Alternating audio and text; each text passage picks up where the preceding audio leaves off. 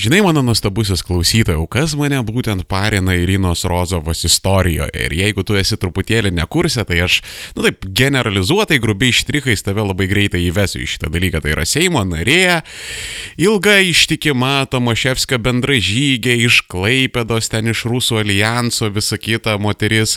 U, panašu, nelabai yra lojali Lietuvai, ten turi vatnikiškų sentimentų ir panašiai. Neva tai turbūt tikriausiai bendravusi su rusų spets tarnybos atstovais ir yra galbūt, turbūt tikriausiai tyrimas nustatys, perdavusi jiems kažkokios jautrios informacijos. Tai vad kas mane parina šitoje vietoje. Tai žiūrėk, draugužė arba draugužė. Mane nepaliauja stebinti begalinis žmonių noras ir, nu, nerealus sugebėjimas, tiesiog antgamtiškas sugebėjimas save kvailinti ir prokrastinuoti. Aš, kaip tu turbūt gerai žinai, esu e, asmeninių finansų ir ten visokių kapitalų konsultantas, nu, tobiš aš dažniausiai gydau žmonėms smegenis. Ateina žmonės pas mane su kažkokiais klausimais, su kažkokiam problemom ir, nu, aš jas padedu spręsti. Ir e, Aš ap absoliučiai atsisakau pasakoti apie savo klientus. Taip, kas kur kas ką padarė, kokios buvo istorijos, nes, nu, man yra labai šventas principas laikytis griežto privatumo. Bet ką galiu pasakyti, kad savo klientais aš nelabai galiu skūstis, nes e, didesnė jų dalis yra tokia, kur žmonės e, jau yra prakutę, jau lyg tai prilaiko kažkokį kapitalą ir, nu, tiesiog yra ta situacija, kad jie žino, žino, kad kažko nežino, bet nežino, ko nežino. Todėl vat, jiems reikėtų kažkokio, žinai, objektyvesnio žvilgsnio, kad vat, kažkas jiems pasakytų ar paaiškintų, jeigu jie elgesi negerai, arba kaip tik patvirtintų, kad jie daro viską gerai. Ir didesnė dalis mano klientų yra tokių. E, Retsikiais pasitaiko, e, kaip čia dabar pasakyti, gerulių. Ir tie geruliai būna tokie, kad, na, e, nu, aš vėlgi, aš nenoriu pasakot ir aš negaliu pasakot, nes, nu, tai yra mano principas, tas, kas įvyksta pas mane su klientų konsultacijai. Tai miela VSD, jeigu jūs ten ieškot kažkokios informacijos, tai žinokit, pas mane viskas yra enkriptinta ir jūs mane tikrai ilgai turėsit palaikyti CŽV kalėjime, kad aš atiduočiau savo šifro raktus. Bet viskas, kas įvyksta tarp manęs ir kliento, yra absoliuti paslaptis, todėl čia jokių istorijų nesitikėjau kiek, mano nuostabusis klausytojų, bet e, aš tau galiu abstrakčiai pasakyti taip, kad uh, tokios situacijos aš nesu turėjęs, bet, nu, įsivaizduok, e, pas mane ateina žmogus ir dar kartą pakartoju, aš tai fantazuoju, ne, čia nėra apie kažkokį konkretų asmenį. Bet, nu, ateina žmogus ir, va, jisai sako, žinai, aš čia norėčiau išmokti taupyti, aš čia norėčiau išmokti savo finansus suvaldyti, aš čia norėčiau uh, susitvarkyti su savo išlaidom ir visa kita, nu ir pradedi aiškintis, ne, jisai va ateina pas tave su tokia problemytė. Nu ir tu pradedi aiškintis, kapanotis Ir tada taip, žinai, palaipsniui paaiškėja, kad pavyzdžiui pas jį yra labai brangus kokaino habitas. Arba jisai yra degeneratas lošėjas. Arba jisai e, turi ten, nežinau, kokius 350 tūkstančių eurų skolą, kur ten antstoliai jam laužia duris, e, jo pašto dėžutė tiesiog plyšta nuo piktų antstolių, ten visokių teismų, bankyrų ir skolų išieškotojų raštų. Jis dažniausiai ateina, žinai, su tokia smulkmena, kad, vat, nu, man atrodo, atrodo, aš batams, žinai, per daug išleidžiu. Tai pas mane e, tokių keisų nėra buvę labai daug, bet jų yra buvę ir dažniausiai mano atsakymas būna toksai, kad e, žiūrėk, e, tu dabar atėjai pas e, jogos mokytoją išsigydyti vėžio. Ir e, aš negaliu iš tavęs imti pinigų, nes, nu, tai būtų e, netikros vilties suteikimas ir e, tai yra krūvini pinigai. E, tiesiog, nu, tu turi daug didesnių problemų ir tau reikalinga kažkokia kvalifikuota pagalba. Aš nežinau, kas tai yra. Kiekvienam žmogui skirtingai. Vienam galbūt reikia ten psichologinės ar psichiatrinės terapijos, kitam e, pakanka nueit pas kaučerį, trečiam į Krišnas užsirašyti, ketvirtam į kokią nors tyros meilės bažnyčią, žinai, bla bla bla bla bla bla. Bet bet kuriuo atveju aš nesu kvalifikuotas spręsti šitų problemų. Tai vad, Irinos Rozovos istorija yra ta pati situacija. Štai mes pagavom Kremliaus šnipę. Štai mes pagavom baisę kolaborantę ir valstybės išdavikę. Ir ką dabar ties mes su tuo darysim. Ir, na, nu, čia savaime suprantama, tu, tu, tu tikrai mano puikusis klausytojų, puikusis dosnusis, nuostabusis klausytojų ar klausytojų, tu tikrai esi pakankamai protingas ar protinga ir tu tikrai pakankamai aiškiai supranti, kad uh, in general vėl tai yra eilinis naujienų ciklas, vad pasibaigė vasarėlė, e, visi grįžo iš atostogų, e, visi kurortai jau ištuštėję, vaikučiai pradėjo vaikščioti į mokyklėlės ir karate treniruotės, dabar žmonės turi daugiau laiko paskrolinti Delfį 15 minučių ir pasižiūrėti teleką, tai vad yra reikalingas kažkoks spaikas naujienų cikle ir vad šita Rozova kaip baisinė kolaborantė ir tėvynės beigi tautos išdavė išdavikė, nu tai yra nuostabus būdas sukelti tą ažiotažą, daug apie tai diskutuoti, politikams tarpusavyje koliotis. Čia dabar mes matom, ten Gaižauskas eina prieš Baką, Bakas sako, tu Gaižauskai e, metus ar pusantrų niekom nesidomėjai, kuom e, NSGK užsiiminėjo, Gaižauskas sako, kad tu Bakai visas papkės pas save esi susigriebęs ir mes negalim susipažinti su informacija. Karočią visokie LRT forumai, e, pasikalbėjimai, ten visokie diskusijos, kolonės, čia žinai, Jėzus Marija, ten vatnikai rėkia, kad čia yra trypiama tautos demokratija, nors tie patys vatnikai, tik tai tu jiems duok valdžią, prie pirmo keiso, kada tu jiems duosi valdžią, jie tą demokratiją pirmų numerių atšauks. Dabar, demokratija jiems yra reikalinga iki pat tos akimirkos, kol jie užima galios poziciją. Kiti rėkia, ne, ne, ne, ta Rozova ten, žinai, atim teisinę neliečiamybę, į Gvantanamą ketvirčiuot šunims užpjudyti, ten apmyšti ir padegti ir ten taip toliau. Nu ir karočią, va, turim tą eilinį naujienų ciklą, ne?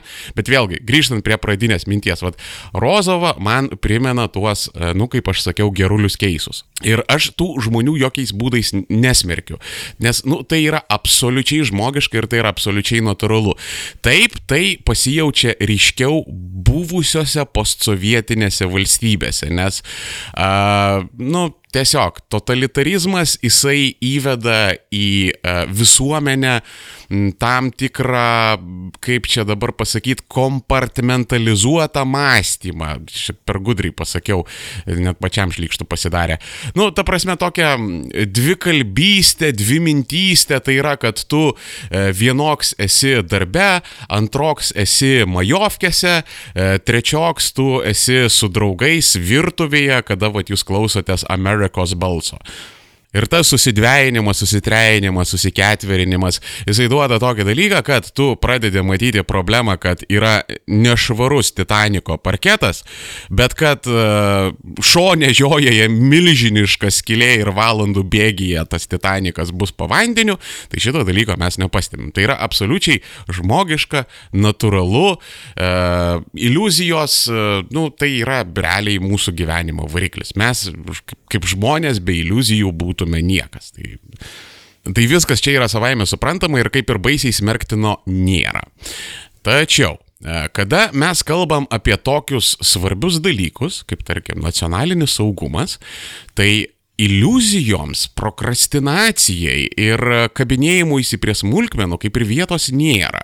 Ir vad būtent ta Rozova, vad ir yra ta tokia, žinai, nu, realiai smulkus skandaliukas ir prokrastinacija, kad vad būtų parodyta, kad maždaug, nu, čia, žinai, tarnybos dirba, Seimas dirba, nacionalinio saugumo ir gynybos komitetas dirba, mes darom dalykus, va čia sugavom šnipę, va čia mes su jie susitvarkysim, va pasižiūrėkit ir po Krymo aneksijos iš tiesų labai didelė dalis Lietuvos buvo, nu, tikrai suprantamai traumuota.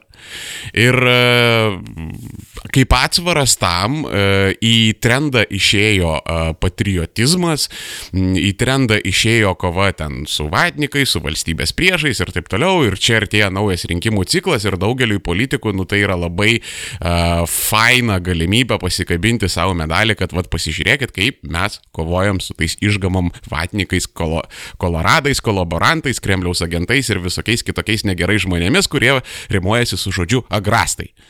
Tačiau gyvenime nėra viskas taip labai paprasta, kaip daugam atrodo. Gyvenime nėra taip, kad tu pasirašiai kažkokį įstatymą ar tai dekretą, pasodinai kažkokį žmogų, padarėjai ten kažkokią iniciatyvą, ištransliavai kažkokią žinutę ir iš karto viskas susitvarko.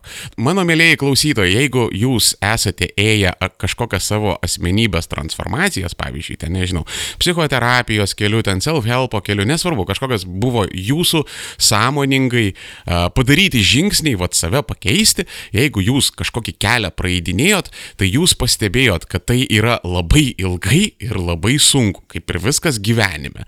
Tai vad pokyčiai lygiai taip pat nacionalinėme saugume gali būti labai ilgi ir labai sunkus. Ir ko aš pasigendu, čia visi, o apsiputoja, rėkia, o pasižiūrėkit, ten rozavo, ten paleckiukas, ten bastys, ten dar kažkas. Ok, tvarkoj sugavot tos svoločius ir išgamas, juos įvardinot, viskas yra tvarkoj. Dirbat ir dirbkite savo darbą. Bet be šitų personų yra dar platesnis pasaulis. Ir kada tu pradedi tą platesnį pasaulį kišti po mikroskopu ir sukioti ratukus ir vaizdą ten artinti, tolinti ir įvedinėti viską į fokusą, tu pamatai tokius dalykus, kad uh, galimų poveikio priemonių yra iš priešiškų valstybių, ne? Galimų poveikio priemonių yra gerokai daugiau negu ten kažkoks vienas kitas Seimo narys ar paleckiukas ar dar kažkas. Tai yra, galiu pateikti pavyzdžių, tarkim, yra valstybės struktūros, įvairaus svarbumo, nuo ten kokios nors savivaldybės VŠI e, iki pat e, ten, sakysim, strateginių įmonių, ten Lietuvos geležinkeliai, Lietuvos energija, e, prezidentūros kanceliarija, Seimo kanceliarija, ministerijos, vyriausybė, taip toliau ir panašiai. Tose vietose, ypatingai valstybinėse institucijose, nu, tarkim, geležinkeliuose ir Lietuvos energijos situacija yra čiūčiut kitokia, bet uh, valstybinėse institucijose, konkrečiai ten ministerijose, kanceliarijose, savivaldybėse ir panašiai yra kažkoks IT ūkis. Ta IT ūkį palaiko ten IT šnikais, įsadminai ir panašiai. Dažnu atveju tie žmonės užsidirba pakankamai nedidelius pinigus. Dažnu atveju, kadangi yra mokami nedideli pinigai ir kadangi šiais laikais nėra ypatingai sunku IT šnikui ir, ir tuo labiau IT šnikui, kuris moka dirbti galvą ir rankytėmis, nėra ypatingai sunku sunku susirasti apmokamą darbą, tai vadinasi, kad su kažkokia dalim tų žmonių, aš nesijimsiu sakyti, kad tai yra dauguma, reikšminga dauguma, bet tiesiog natūraliai. Logiškai kažkokia dalis tų žmonių bus nu, at su jais kažkas bus negerai. Ar tai bus, nu, tiesiog e, senas krepas, kuris ten pavargo mokytis naujų programavimo kalbų, naujų metodikų ir tiesiog mažesni pinigai, bet e, nėra atsakomybės, nėra per daug parkių, įjungiai laisvą pavarą ir karočią važiuoji. E, yra kiti keisai, yra kiti keisai, kur ten žmonės papuola, nes pavyzdžiui, juos iš privataus sektoriaus prameta ir prameta su vilko bilietu. Ir visi žino, kad, tarkim, va šitas turi, tarkim, problemą problemų su substancijom, uh, užgeria, ten tarkim per mėnesį vieną savaitę jo nebus, nes, nu, va, jisai užpila dūdą ir viskas, ir niekaip jam neprisiskambinsi, nesurasi, dinksta nuo žemės paviršiaus. Būna tokių. Yra tokių, kur, pavyzdžiui, nu, nelabai gamtos duota tie visi IT dalykai, todėl eina į tą viešą sektorių, kur yra daug žemesni reikalavimai, daug viskas paprasčiau, tave gerokai sunkiau atleisti, tu turi vietos, kur pasislėpti. Nu, žodžiu, yra m, kontingentas aitišnikų, su kuriais kažkas negerai. Ir čia yra labai puikiai vieta Kremliui įsiterpti, e, tiesiog pasakyti, žiūrėk, e, va tau fleškė, tu nueik į serverinę, įkišk tą fleškę ir palik porai minučių. Ir pas tave ten, tarkim, pašto dėžutėje atsiras vokelis su tam tikra pinigų suma. Klausimas, ar jūs galite šimtų procentų garantuoti, kad nei vienas aitišnikas to nepadarys. Ar jūs galite šimtų procentų garantuoti, kad toj pačiai prezidentūros kanceliarijoje, vyriausybės kanceliarijoje, ten ministerijose uh, sėdi absoliučiai lojalūs žmonės ir ar jūs galite garantuoti, kad saugumo tarnybos visus juos sužiūrės. Čia pirma vieta. Antra vieta yra įvairūs subkontraktoriai. Nu, tarkim, ten kokia nors ministerija ten kūrė kažkokią duombazę, paskelbė konkursą, ten kažkokia kompanija laimėjo ir dabar, vat, jinai daro darbus, ten kūrė duombazę, turi prieimą ten prie vidinių dokumentų, ten tos struktūros ir panašiai.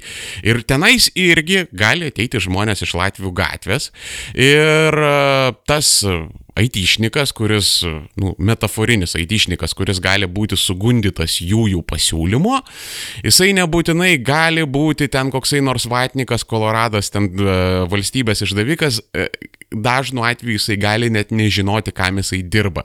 Pas jį gali ateiti žmogus, šnekantis švarę lietuvių kalbą, jis gali būti net ir lietuvis, ir paprasčiausiai jam gali pasiūlyti užsiimti industriniu špionažu. Jis, jis žmogus nuoširdžiai galvos, kad jisai E, vagia ir tekina kažkokią informaciją konkurentų bendroviai. Dar yra tokie dalykai, kad tu gali paimti ir patiliukais sukurti bendrovę iš tų sleeper agentų, kurių yra tikrai daug. E, tu gali sukurti tą bendrovę ir jinai gali laimėti konkursą. Ir ta bendrovė realiai gali būti valdoma ten, nežinau, už kokio nors ar FSB, ar GRU, nu, plus minus ten koksai nors Kasperskio variantas. Ir e, tai per visokius offshore'us ir panašius dalykus, per trečius ir ketvirtus asmenis, ta prasme, tai galima tai labai paprastai padaryti, kad tu paprasčiausiai net, nu, net, net siūlo nerasi už ko patempti, kad tu galėtum, vat, prisikasti atgal prie to Kremliaus. Tai čia taip grinai garsiai pafantazuojant, kokios gali būti įmanomos įsiskverbimo priemonės. Ir patikėk manim, mano mielas draugužė ar draugužė, patikėk manim jų yra kur kas daugiau. Ir aš galiu beveik garantuoti, kad vienas aitišnikas su fleške reikalingoje vietoje, prie reikalingų serverių, jisai yra gerokai pavojingesnis negu šimtas tokių rozovų. Nes jei jau šnekam apie nacionalinį saugumą, reikėtų garsiai įvardinti vieną tokį dalyką, kad e, ekstremalioms situacijoms Lietuva yra paprasčiausiai nepasiruošus. Aš esu kalbėjęs apie tai su gaisrininkais ir tai buvo du gaisrininkai, vienas kito nepažįstantis, bet jie šnekėjo vieną ir tą patį dalyką. Tai yra, kad po 2000 kažkur 8-9 metų, kada įsivažiavo krizė, finansavimas dramatiškai sumažėjo. Vat gaisrininkams, gelbėtojams, toms visoms e, ekstremalioms ten saugumo tarnyboms ir panašiai. Tai visai dramatiškai sumažėjo. Ir principė mes galim čiūčiut palikviduoti ten lengvą problemytę, kur ten kokioj dzukijoje ten medžių pavartė, ten koks kaimelis be elektros pasiliko, ar ten kokie rusnė užliejo. Tai vat, nu, tokias smulkės problemytės mes galime ten likviduoti, sutvarkyti, viskas ok.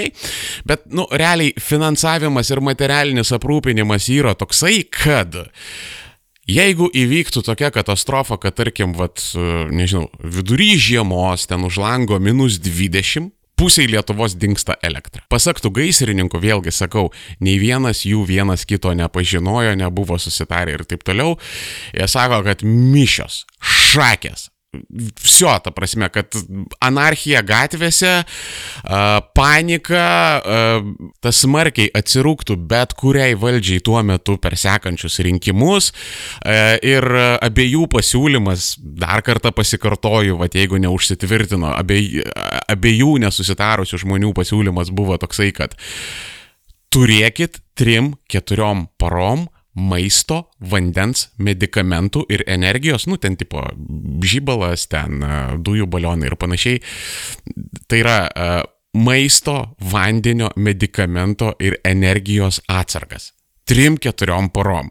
Nes čia geriausių, idealiausių, pačių puikiausių ir labiausiai nusisekusių atvejų čia mes per tiek laiko likviduosime tą nelaimę. Ir čia vėlgi galima apie garantijas pasišnekėti, nes e, lyg tais visos vandentvarkos įmonės, nu ten Kauno vandenys, Vilniaus vandenys ir panašiai, lyg tais visos vandentvarkos įmonės turi generatorius.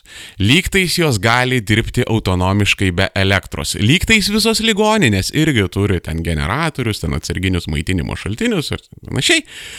Bet, vėlgi, ar mes esam šimtų procentų garantuoti, kad darant tų dalykų pirkimus nebuvo padaryti pažeidimai. Ar mes esam garantuoti, kad nebuvo eilinė korupcinė schemutė, kai buvo nupirktas devaisas už pinigus kaip skrydis į Marsą, visai realiai netitinka reikalingų specifikacijų. Ar mes esame garantuoti, kad ten, pavyzdžiui, koksai nors generatorius, ten nežinau, Kauno Šiaulių, ten Vilniaus panevežė vandenyse, ar jisai buvo tinkamai eksploatuotas ir ar jisai apskritai užsikurs, jeigu reikės. Ir principė užtenka tokių keleto silpnučių, grandžių, kad prasidėtų baisinis domino efektas. Nu, kaip pavyzdys. A, tarkim, pusėje Lietuvos, ne, rytinėje pusėje a, visi sėdi be elektros ir tada paaiškėja, kad panevežyje ten ligoninėse generatoriai neveikia, tada paaiškėja, kad panevežė vandenų, čia vėlgi aš metaforiškai fantazuoju, ne, paaiškėja, kad ten generatoriai neveikia ir, žodžiu, visi lieka be tarnybų, be elektros aprūpinimo, be šilumos, be vandenio, be ligoninių, be nieko, ne, nu ir ką natūraliai jie pradeda daryti, o jie ten plūsteli, pavyzdžiui, šiaulius, ne, tada šiauliai pradeda trūkti per siūlės nesusitvarko tvarko. Tada visi panevežiečiai ir šiauliečiai bendrai tenais plūsteli į Kauną, į Vilnių ir taip toliau ir panašiai. Žodžiu, tu užsisuka toksai vad nieko kamuolys, ne? Bet mes apie tai nešnekam, nes Nu, tai yra sunku, tai yra sudėtinga. Tau yra lengviau ateiti pas ten, nežinau, e, konsultantą kaip aš ir ten ilgą laiką aiškintis, vat, kad aš biški per daug batams išleidžiu ir taip, nu, patogiai ignoruoti tą faktą, kad aš ten, nežinau, milijonas skolingas, ne, kaip pavyzdys ir aš nežinau, kaip aš tą skolą išmokėsiu ir aš nežinau, ką man daryti. Ir tada savaime suprantama reikia pasižiūrėti realybėje į akis ir suprasti, kad a, nei mes, a, kalbant apie Seimą, vyriausybę ir ministerijas, kad nei mes didžiają dalimi turime patirties, nei mes didžiają dalimi turime intelektualinio potencialo ir juo labiau mes neturime finansinio potencialo sutvarkyti šitas nacionalinio saugumo problemas. Galiausiai net, net ir laiko nelabai turime. Visą tai sutvarkyti. Ta prasme, tai yra dešimtmečių darbas. Čia nėra taip, kad atėjai per metus du ir padarai. Ne, ne. Tikrąją to žodžio prasme šitie dalykai dešimtmečiais yra statomi. Nes, nu, čia žinai kaip uh, priaukti svorio. Uh, realiai priaukti svorio užima laiko ir pakankamai daug laiko. Ir tada juo labiau ir daugiau laiko užima tau jį nusimesti.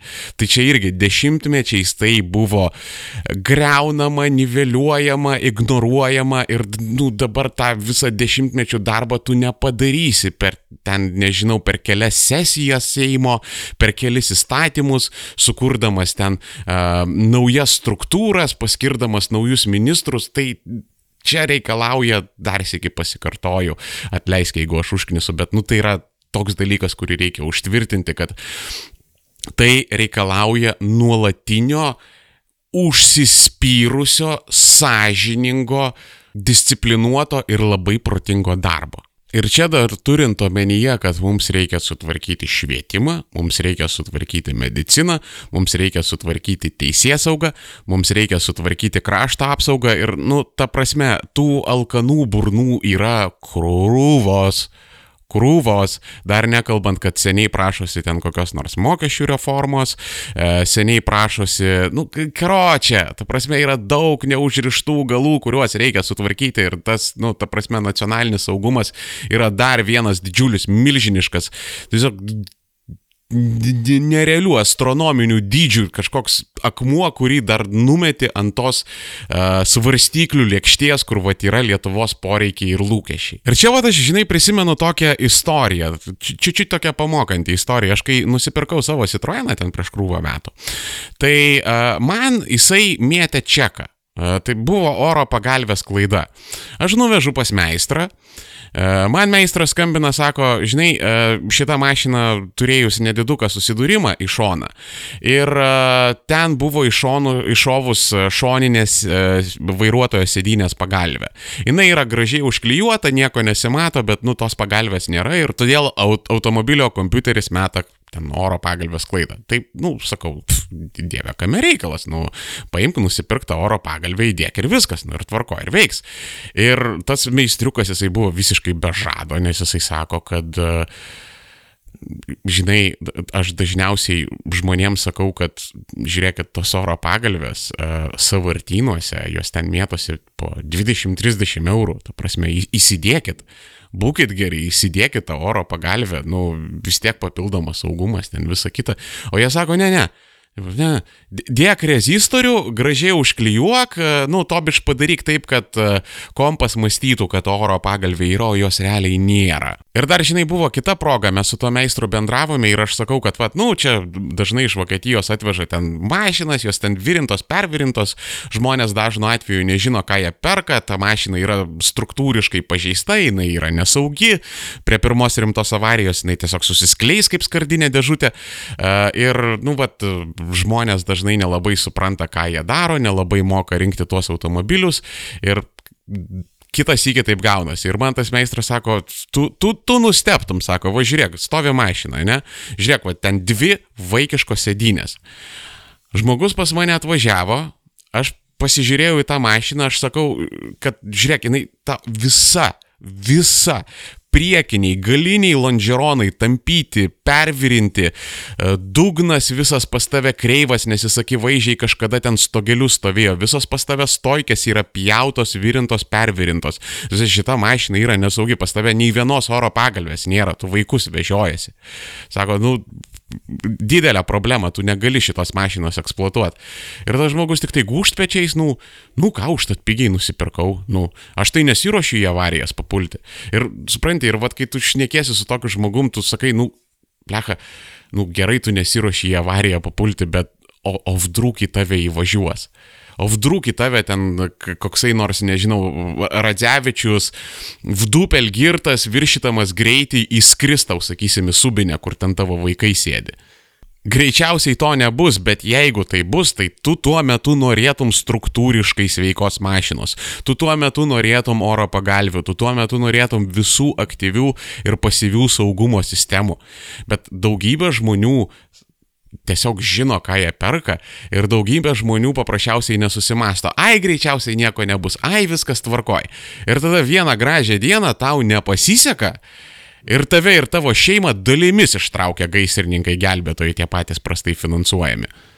Tai va tą Lietuvos nacionalinio saugumo klausimą aš matau būtent taip, kaip tą e, nežinia kiek kartų aplink stulpą apviniotą triperį, kuris neturi anei vienos saugumo sistemos Ir ten yra tik tai sėkmės faktorius, kad tu nepapulsi į didelę avariją. Ir patikėk manim, patikėk manim, žinok, ta prasme, su tokio mašinom didelių greičių nereikia.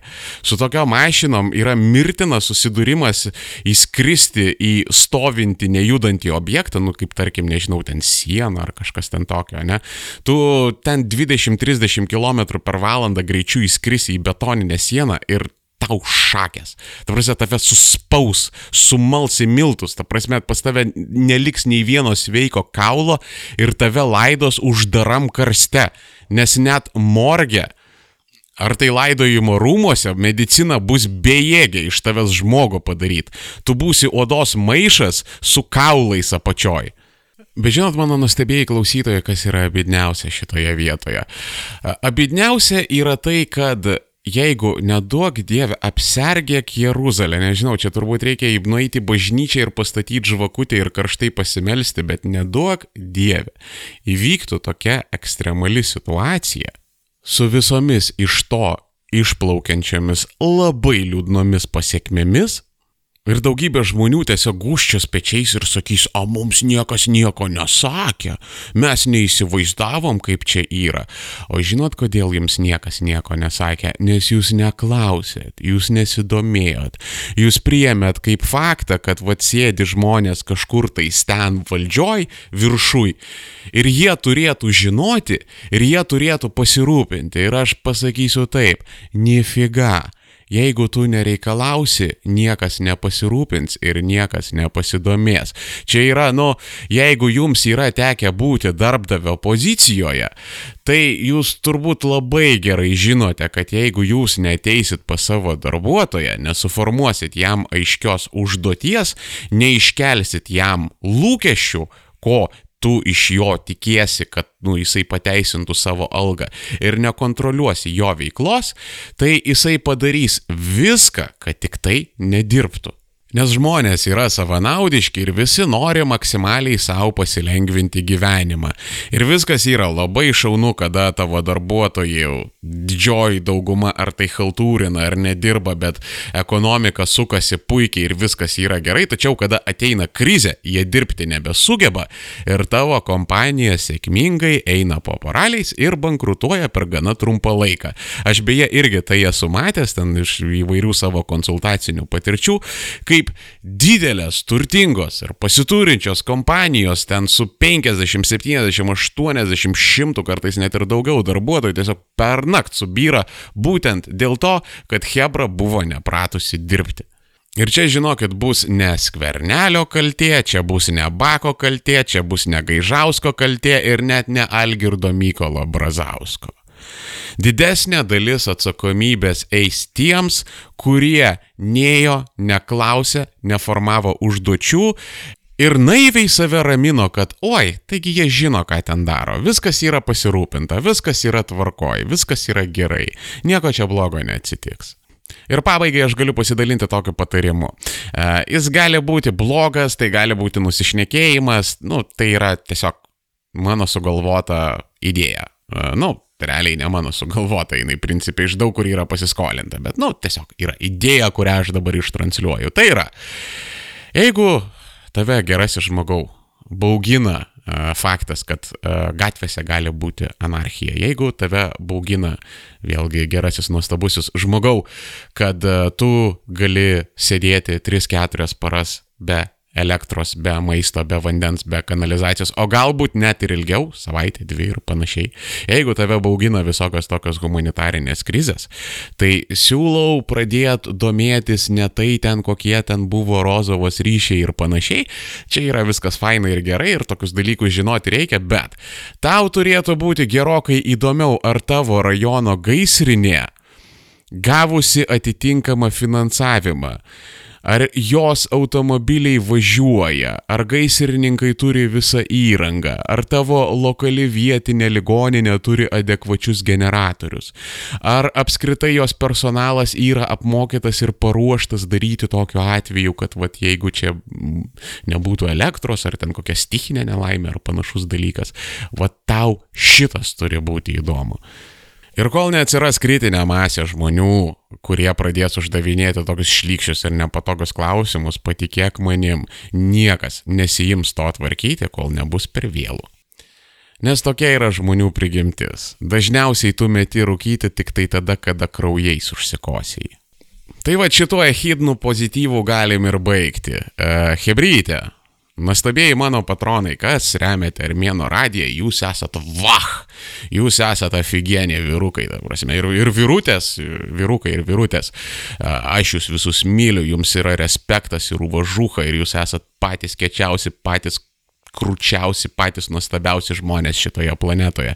Jeigu jūs norite prisidėti prie šitų tiesiog išrinktųjų kastos, nušvitusiųjų ir levituojančiųjų kastos, jūs be jokių problemų galite nueiti linkais į į apačią, ten yra linkas į Patreoną, galite man įmesti dolerių, galite man su kriptovaliuta padėti, ar ten Basic Attention tokenais per Brave browserį, šita sistema pas mane irgi kuo puikiausiai veikia. Jeigu jūs nenorit, negalit man padėti pinigais, tai galit man padėti dėmesiu, parekomenduoti mano kontentą, pasubscribint, palaikint, nu, žodžiu, nematerialiais dalykais. O jeigu jums niekas nepatiko ir nieko nenorit padėti, nu tai jūsų teisė. Jeigu norit, klausykit, jeigu norit, nesiklausykit, viskas tvarkoj. Man iš jūsų nieko nereikia. A, beje, jeigu kas pražiopsojot, Armėnas paleido naują kanalą, jisai vadinasi Armėnas Live. Dėl viso pikto įdėsiu linką į aprašymą, jeigu ten įdomu paklikinti, bet šiaip palei dešinę pusę turėtų būti nuoroda į tą antrąjį kanalą, tai ten, žodžiu, jau yra įdėtas receptas e, armėniško šašlo, yra įdėta viena ausinio apžvalga ir kas mėnesį ten pastoviai, stabiliai rodysis kažkokio naujo, įdomaus ir per daug neįpareigojančio ten e, smegenų nedulkinančio kontento kaip armėno radijui. Tai žodžiu, kaip ir viską pasakiau, ką šiandien norėjau. Tai davai ir skirstamės. Ačiū visiems uždėmesi, už paramą. Davai iki kito. Ačiū.